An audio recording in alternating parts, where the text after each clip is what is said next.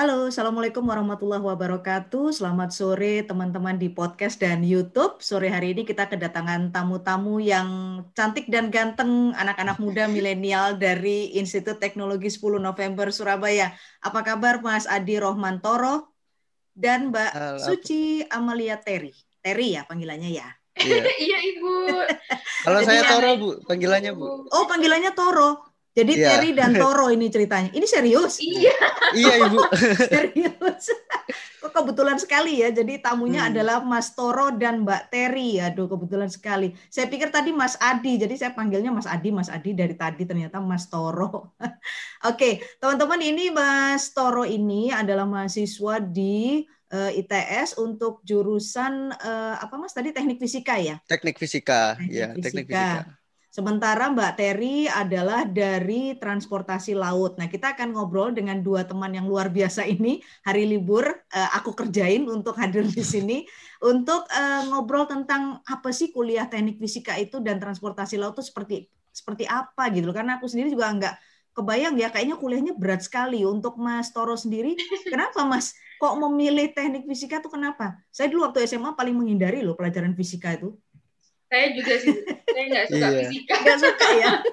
Makanya. Ya sebenarnya juga agak-agak ini juga apa agak unik juga. Dulu tuh waktu nah. SMA itu sebenarnya saya itu uh, dari udah dari SMP apa SD ya? Udah kepikiran buat masuk teknik informatika.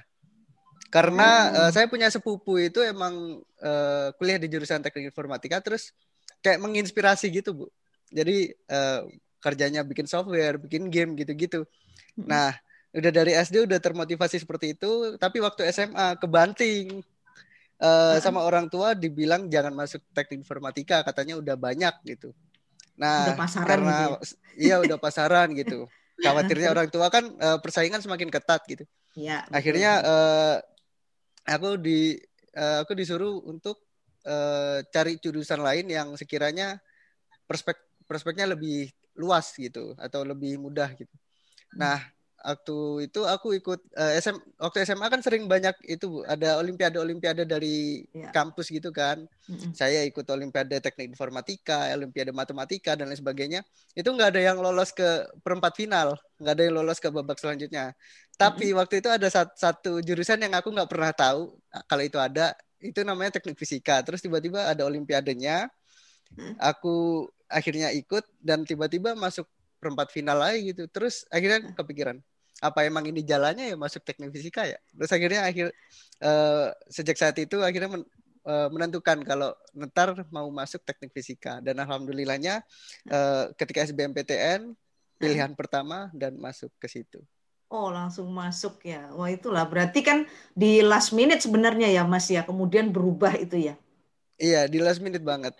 Last minute banget ya. Hmm. Selain selain dari orang tua ngomong eh, jangan itu deh itu pasaran gitu. Kira-kira kebayang nggak mas waktu itu mas Toro? Aku kalau kuliah di teknik fisika tuh kira-kira belajar apa gitu kebayang nggak? Nggak nggak kebayang. Makanya waktu ketika masuk ke jurusan teknik fisika agak ag agak kaget juga. Soalnya aku kira nanti uh, masih bisa lah bagian uh, kan kalau kata kakak tingkat yang waktu itu bilang hmm. ini ada bersinggungan antara teknik mesin dan teknik elektro. Jadi aku kira hmm. wah kalau begitu uh, seperti pemrograman, robotik, elektronik dan lain-lain kan masih bidang saya. Mungkin hmm. masih bisa dipelajari. Ternyata tipis sekali dipelajari di dalam teknik fisika itu. Oh. Karena emang di dalam teknik fisika itu luas banget. Ada mempelajari tentang gelombang, kemudian tentang uh, material, uh, oto otomasi dan juga ada elektrikalnya juga. Cuman untuk elektrikalnya uh, nggak nggak seberapa kental seperti yang di elek elektro gitu. Hmm, gitu ya saya tuh nggak kebayang deh teknik fisika tuh ya maksudnya. Aduh anda lima tahun uh, berkumpul dengan fisika kerasan gitu ya. Udah mulai bosan ibu. Udah mulai bosan ya. Oke sekarang kita pindah ke Terry. Nah kalau Terry ini lebih unik lagi. Jadi waktu aku kenal Terry itu loh Terry kamu jurusan mana ini bu? Uh, saya jurusan apa? Uh, transportasi laut. Hah? Transportasi yeah. laut? Saya bilang gitu. Soalnya transportasi laut itu selama ini dalam pikiran saya itu adalah boys club banget ya maksudnya Iya, itu cowok iya. semua lo Terry, kamu kok berani iya. masuk ke sarang penyamun itu gitu loh. Kenapa tuh? Ini hmm. sih sebenarnya kalau saya itu awalnya saya itu malah sama sekali nggak suka matematika saya tuh nggak suka fisika itu sama sekali saya tuh nggak pernah suka bu sejujurnya malah saya itu selalu suka biologi bahkan unas pun saya itu ambil biologi bu nah ketika SNMPTN saya itu daftarnya itu sebenarnya kedokteran gigi hmm. kemudian SBM saya juga coba lagi kedokteran gigi pilihan keduanya saya itu baru Oh enggak, waktu itu saya masih ngambil kedokteran gigi juga. Kemudian saya uh, gagal kan Bu di situ kedokteran gigi.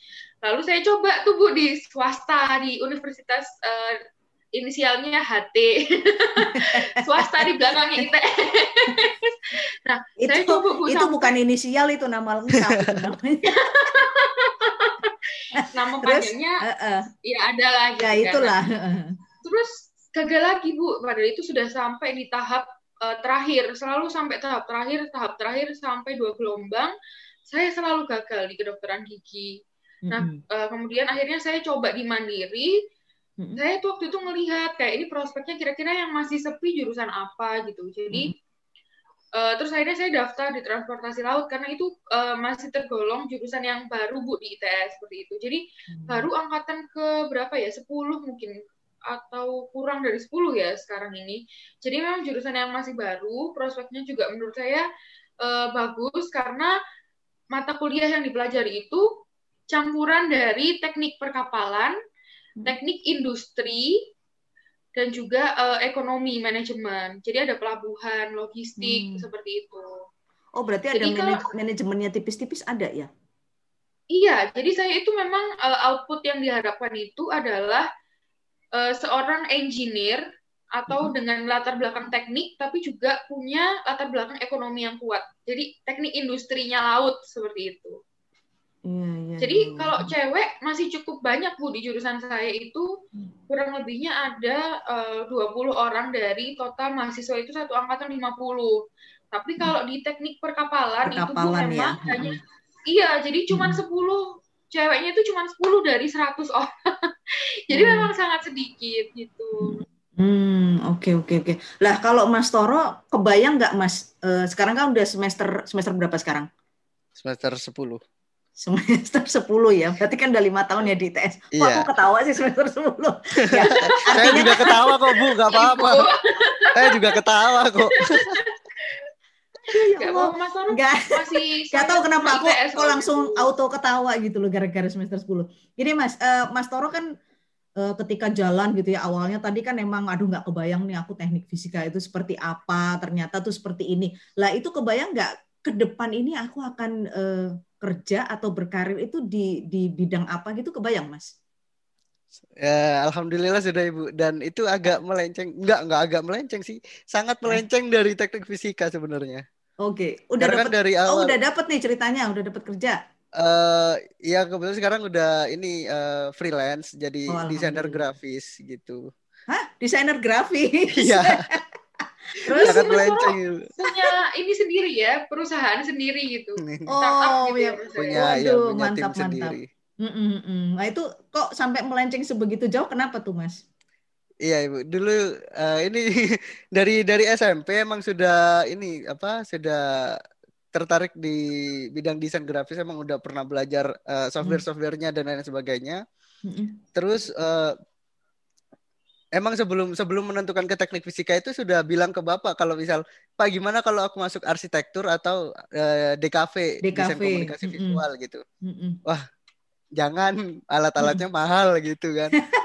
oh ya udah habis itu nggak bisa akhirnya tapi setelah masuk ke teknik fisika masuk ke ITS akhirnya uh, emang ada beberapa kayak kepanitiaan atau organisasi begitu yang uh, bisa ini uh, membangun apa uh, ngasih pengalaman gitu ya. atau ya uh, memanfaatkan dari uh, passion saya di bidang desain grafis. Akhirnya uh, menambah jam terbang dan lain sebagainya. Akhirnya uh, ketika mau keluar teknik fisika terus aku kebayang kenapa nggak sekalian aja aku terusin ini. Karena kalau misal di teknik fisika juga saya juga mau ke mana saya juga bingung tuh gitu. kan nggak kebayang dia iya gitu.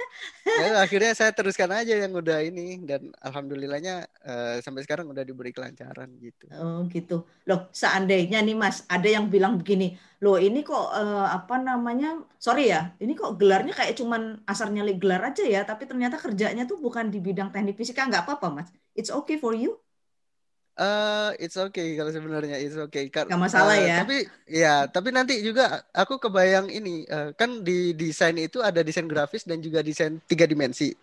Saya rencananya nanti tiga dimensi nanti akan nyerempet-nyerempet ke keteknikan gitu. Jadi mungkin nanti bisa bersinggungan lah. Jadi gelar sarjana tekniknya nanti masih bisa kepakai. Gitu. Ah iya, oke okay lah. Karena kita ujung-ujungnya kan uh, eh, UUD ya Mas ya. Jadi ujung-ujungnya pasti cuan ujungnya ya, pasti duit. Iya. pasti duit kan ya. Kalau Terry sendiri udah kebayang belum Terry? Ini sekarang kan lagi magang di sebuah BUMN kepelabuhanan nih. Kira-kira kebayang nggak yeah. aku tuh masa depan tuh aku kepengen uh, kerja ini atau buka perusahaan di bidang ini gitu kebayang nggak? Iya, oke. Okay. Kalau sampai sejauh ini sih Bu, saya berminatnya itu sebenarnya di bidang pelayaran dan logistik ya Bu ya. Hmm. Jadi, tapi nggak menutup kemungkinan, oh ada kucing saya, nggak mau menutup kemungkinan juga untuk di bidang pelabuhan gitu kan. Siapa tahu rezeki juga ya Bu ya, saya nggak mau hmm. menutup pintu rezeki. Nah, tapi sebenarnya kalau sejauh ini itu saya juga sangat-sangat hobi di bidang public speaking gitu. Jadi, selain uh, di bidang yang memang uh, satu linear dengan jurusan saya, saya tuh suka nge-MC Bu sebenarnya. Dan saya juga sudah beberapa kali juga sempat nge-MC sama Mas Toro juga di kuliah. Dan kalau misalnya nanti pun belum uh, belum mendapatkan pekerjaan di bidang pelayaran atau logistik itu, rencananya saya juga masih mau freelance uh, eh, MC sih sebenarnya karena benar katanya Bu Kamel tadi kita UUD ya Bu ya. Betul. uh, uh, apa pun pokoknya halal jadi cuan kan ya. Iya benar. Mungkin kalau ini ya Bu ya, nanti kalau di pelabuhan gitu, ketemu sama Bu Kamel. Tapi jujur sekarang hati nurani kita bicara hati nurani. Uh, lepas dari duit ya, cuan yang tadi saya bilang, kepengennya tuh kerja yang linear dengan uh, latar belakang pendidikan atau enggak? Mungkin Terry dulu. Kalau saya sebenarnya uh, kita bicara idealisme ya. Mm -mm. Iya. Kalau di kalau seboleh jujur itu sebenarnya saya itu ada punya dua sisi. Jadi satu sisi itu saya suka sekali sama yang namanya tantangan. Nah, menurut saya kalau dari sisi tantangan itu jelas lebih menantang uh, di ini sih Bu, yang sesuai linear dengan jurusan saya. Karena itu memang penuh dengan angka, penuh dengan uh, taktik logika seperti apa. Misalnya saya ini kan di jurusan yang uh, harus merancang pengiriman impor ekspor, rute logistiknya seperti apa. Nah, itu memang harus benar-benar dipikir gitu. Seperti apa sih kira-kira saya mengirim muatan ini dengan kapal yang seperti apa? Nah, itu rutenya juga dirancang. Hmm. Kalau uh, di MC itu kan sebenarnya saya memang suka gitu public speaking, tapi menurut saya sendiri uh, karir path-nya itu sudah bisa apa ya bisa di, direncanakan gitu sebenarnya kalau MC. Mm-hmm. Jadi lebih kayak ke marketingnya seperti apa, terus kita bisa mengembangkan skill kita itu seperti apa. Kalau saya sebenarnya masih lebih suka yang linear dengan jurusan saya karena sangat menantang. Hmm. Jadi istilahnya kalau sama-sama dapat ya sorry misalnya 20 juta nih sama-sama ada tawaran 20 juta. Lebih milih yang linear pasti ya? Iya saya masih lebih suka sih sebenarnya. Makin ke sini saya makin suka sama uh, pekerjaan yang sesuai dengan bidang saya. Hmm, hmm, hmm. kalau Mas Toro gimana Mas? Ada tawaran umpamanya? Sama-sama 20 juta ini cuannya gitu loh. Tapi yang satu tuh desainer grafis satunya teknik fisika. Nah teknik fisika ini menuntut Mas Toro untuk bekerja di suatu institusi yang rutin seperti BUMN misalnya ya yang kita jadi 8 to 5 uh, eh, manusia yang 8 hmm. sampai 5 umpamanya pilih mana Mas? Kalau membicarakan idealisme mungkin uh, saya akan lebih memilih ke desain grafis Ibu karena emang nah. dari awal karena emang dari awal saya nggak nggak suka nggak seberapa suka rutinitas ibu seperti 9 to 5, 8 to 5 begitu gitu yang kalau misal uh, pagi bangun terus langsung berangkat pulang sore capek terus langsung tidur atau kadang lembur yang hmm. apa ya yang kita dapat uang tapi kita nggak bisa menikmati uangnya gitu ibu ada ya? kalau saya kita dapat uang nggak bisa kita nikmati duit? Ada ya? Kalau saya uang ada. selalu saya pakai soalnya habis gitu loh. Kalau kalau saya dengar dari beberapa ini pengalaman dari orang-orang besar yang ada di perusahaan itu kayak mas uh, saya ini uang banyak saya ini uang banyak tapi uh, waktunya buat nikmatin itu nggak ada buat buat hmm. keluarga terkorbankan, buat ini terkorbankan karena uh, saking fokusnya di pekerjaan tersebut, dedikasinya untuk pekerjaan tersebut itu sangat tinggi. Sementara kalau misal saya melihat hmm. saya uh, misalkan saya memiliki uh, usaha desain grafis sendiri, saya uh, saya bisa mengatur waktu saya itu lebih leluasa karena saya bertanggung jawab akan diri saya sendiri dan uh, perusahaan yang saya miliki begitu. Jadi hmm. saya bisa mengatur uh, jam kerja, kemudian saya bisa mengatur uh, pola pola pola pola hidup begitu dan lain sebagainya saya bisa mengatur itu lebih leluasa. Dan apa ya kalau saya pernah dengar dari guru guru guru les saya orang kerja itu buat eh orang cari duit itu buat dinikmati. Tapi ketika orang-orang udah kerja waktunya nggak ada buat nikmatin gitu katanya. Kayaknya ini jadi kayaknya kalimat itu buat saya deh kayaknya Kenapa Bu Kamel sendiri gimana Bu Kamel? Kalau misalnya Kok saya yang ditanya? Kan oh, kan kalau ibu kan kalau kalau gitu. Iya, kalau saya sih gini, artinya ya kita zaman sekarang munafik lah kalau kita nggak perlu uang ya, kita uang itu yeah. uh, penting. Tapi uang itu bukan segalanya ternyata ya benar yang dibilang Mas Toro tadi bahwa ada uh, suatu titik dalam hidup mungkin seperti saya sudah kerja saya sudah 24 tahun ya Mas Mbak kelihatan banget ya tuanya ya itu saya sampai pada suatu titik di mana oh uang ini ya apalagi ya sorry apalagi saya kerja di BUMN yang rutin ya istilahnya kita sudah dalam tanda kutip ada zona nyaman itu. Artinya challenge itu kan nggak ada gitu ya. Jadi di titik ini ini sudah ya udahlah uang itu kayak eh, kalau mobil tuh metik gitu ya. Jadi kita tinggal still D udah belum belum kerja aja. Kalau di BUMN seperti posisi saya sekarang kan digaji dulu baru baru kita kerja ya. Jadi tanggal satu itu kita terima gaji itu adalah uh, sesuatu yang belum kita kerjakan sebenarnya seperti itu. Nah, benar yang disampaikan Mas Toro. Kadang-kadang saya merindukan uh, masa di mana aku butuh waktu untuk ini ya apa namanya melakukan yang di luar dari rutinitas itu tadi kan gitu ya. Ya kalau uh, di zaman sekarang sampai ke depan nanti uh, kita akan bertemu dengan orang-orang seperti Mas Toro dan Mbak Ter ini, saya rasa anak-anak zaman now, terutama anak saya juga nanti akan semakin uh, sempit lapangan pekerjaannya satu, tapi bisa menjadi semakin luas ya kalau kita mau membuka diri terhadap uh, bidang lain, misalnya kayak Mbak Terry, transportasi lautnya oke, okay, tetapi skillnya untuk public speaking juga di uh, di apa di upgrade kemudian Mas Toro juga gitu ini orang teknik fisika loh tapi kok ngambil kuenya orang desain grafis? Ini bagaimana tanggung jawabnya? Gitu loh. Ini termasuk saya ini jatahnya jatah saya ini udah diambil Mas Toro gitu loh.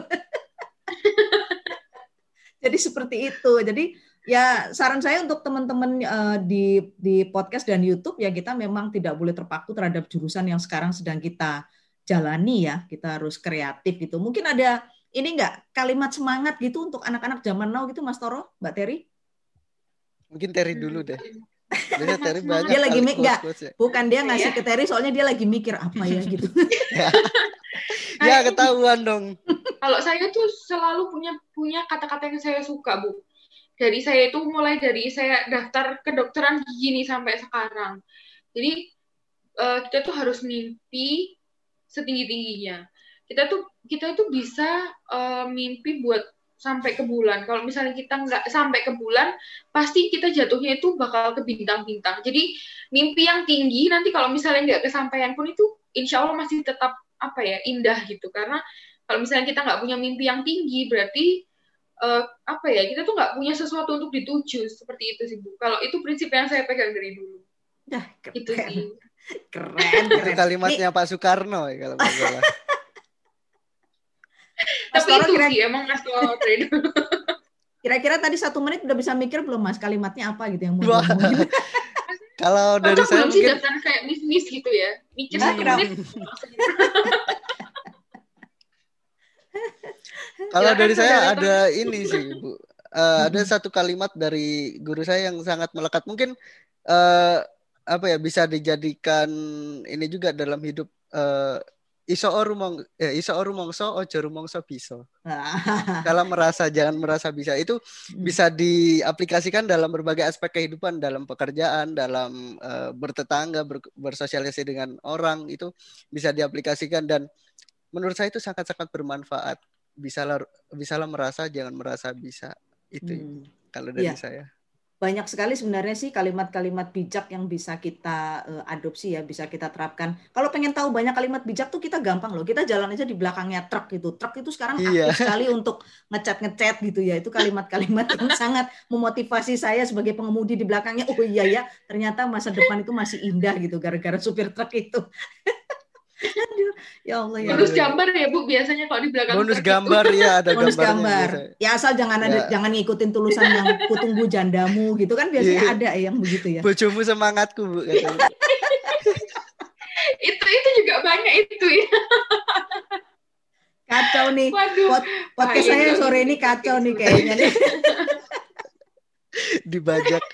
Dibajak. Loh, Bu, tapi okay. ini hmm. kalau sebenarnya kalau hmm, kalau Bu Kamel tadi kan ngomongin soal rutinitas itu ya Bu ya.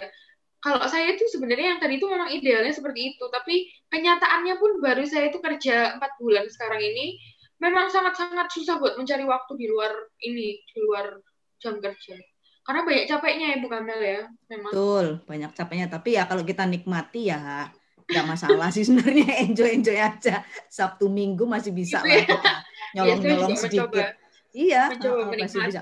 Oh iya, aku punya pesan nih. tipikal orangnya. Betul. Aku punya pesan nih untuk kalian generasi milenial ya, karena uh, beberapa waktu belakangan uh, saya melihat ada sedikit pergeseran ya. Maksudnya saya dari generasi yang kolonial gitu ya, atau ada yang bilang lebih elegan itu serenial. Serenial itu seniornya milenial. Jadi saya pernah jadi milenial, tapi di zaman saya dulu gitu ya. Nah, dengan kalian yang notabene itu milenial ketika uh, rekrutmen kerja misalnya ya rekrutmen kerja gitu terus uh, kan hadir nih orang-orang milenial wah dia diterima. Jadi pada waktu wawancara dia memberikan sejuta kesan kepada kami uh, yang merekrut ini tentang uh, pesonanya lah. Tapi begitu masuk uh, seolah-olah tuh pesona itu sebenarnya hilang. Apa yang hilang dari generasi milenial sekarang tuh sebenarnya sepele sekali.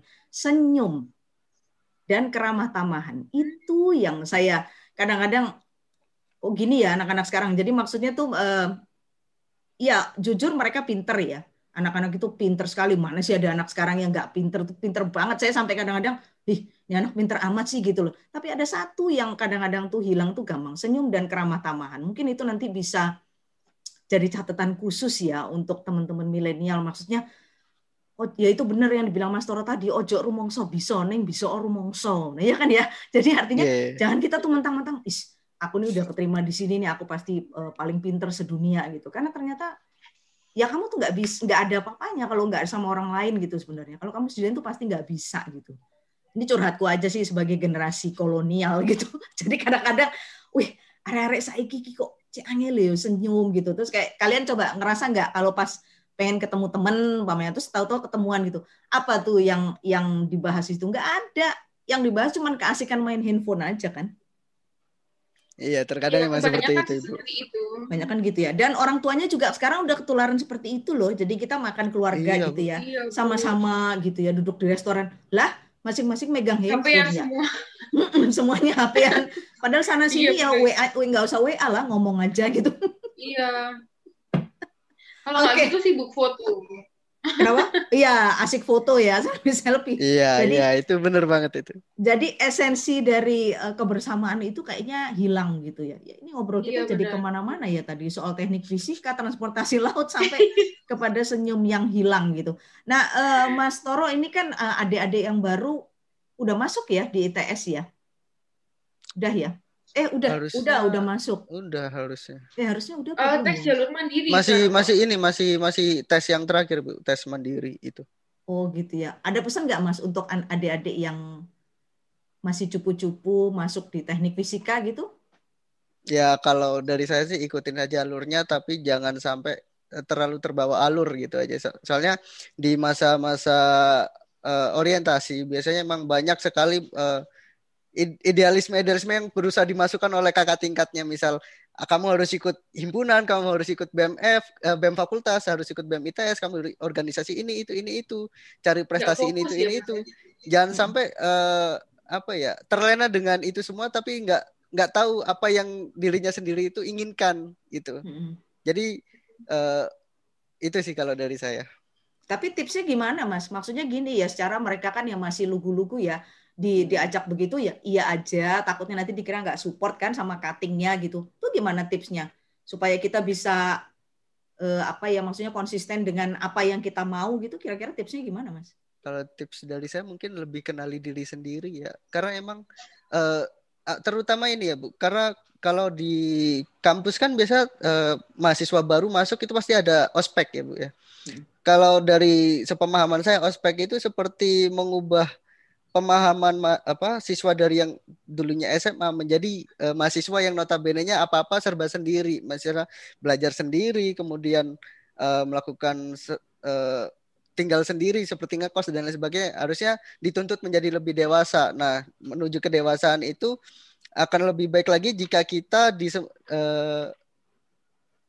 ditambahkan dengan mengenali diri sendiri dengan lebih baik. Jadi jadi gitu mungkin dengan lebih mengenal diri sendiri. Jadi kita lebih tahu apa yang diri kita ini inginkan. Jadi nggak ketika ada idealisme masuk kita bisa uh, apa ya kayak memilah gitu idealisme ini cocok nggak buat aku organisasi ini cocok nggak buat aku kebiasaan ini hmm. cocok nggak buat aku seperti itu mungkin ibu hmm.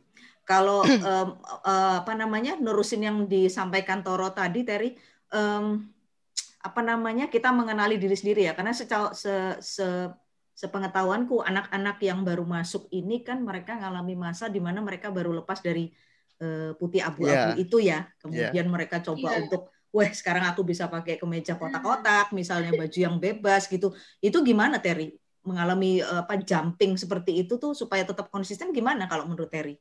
Hmm. Kalau dulu saya ketika masuk di kuliah itu alhamdulillah saya itu emang ini sih Bu kayak menurut saya ya Bu, dunia kuliah itu juga pinter-pinternya kita tuh memilih circle.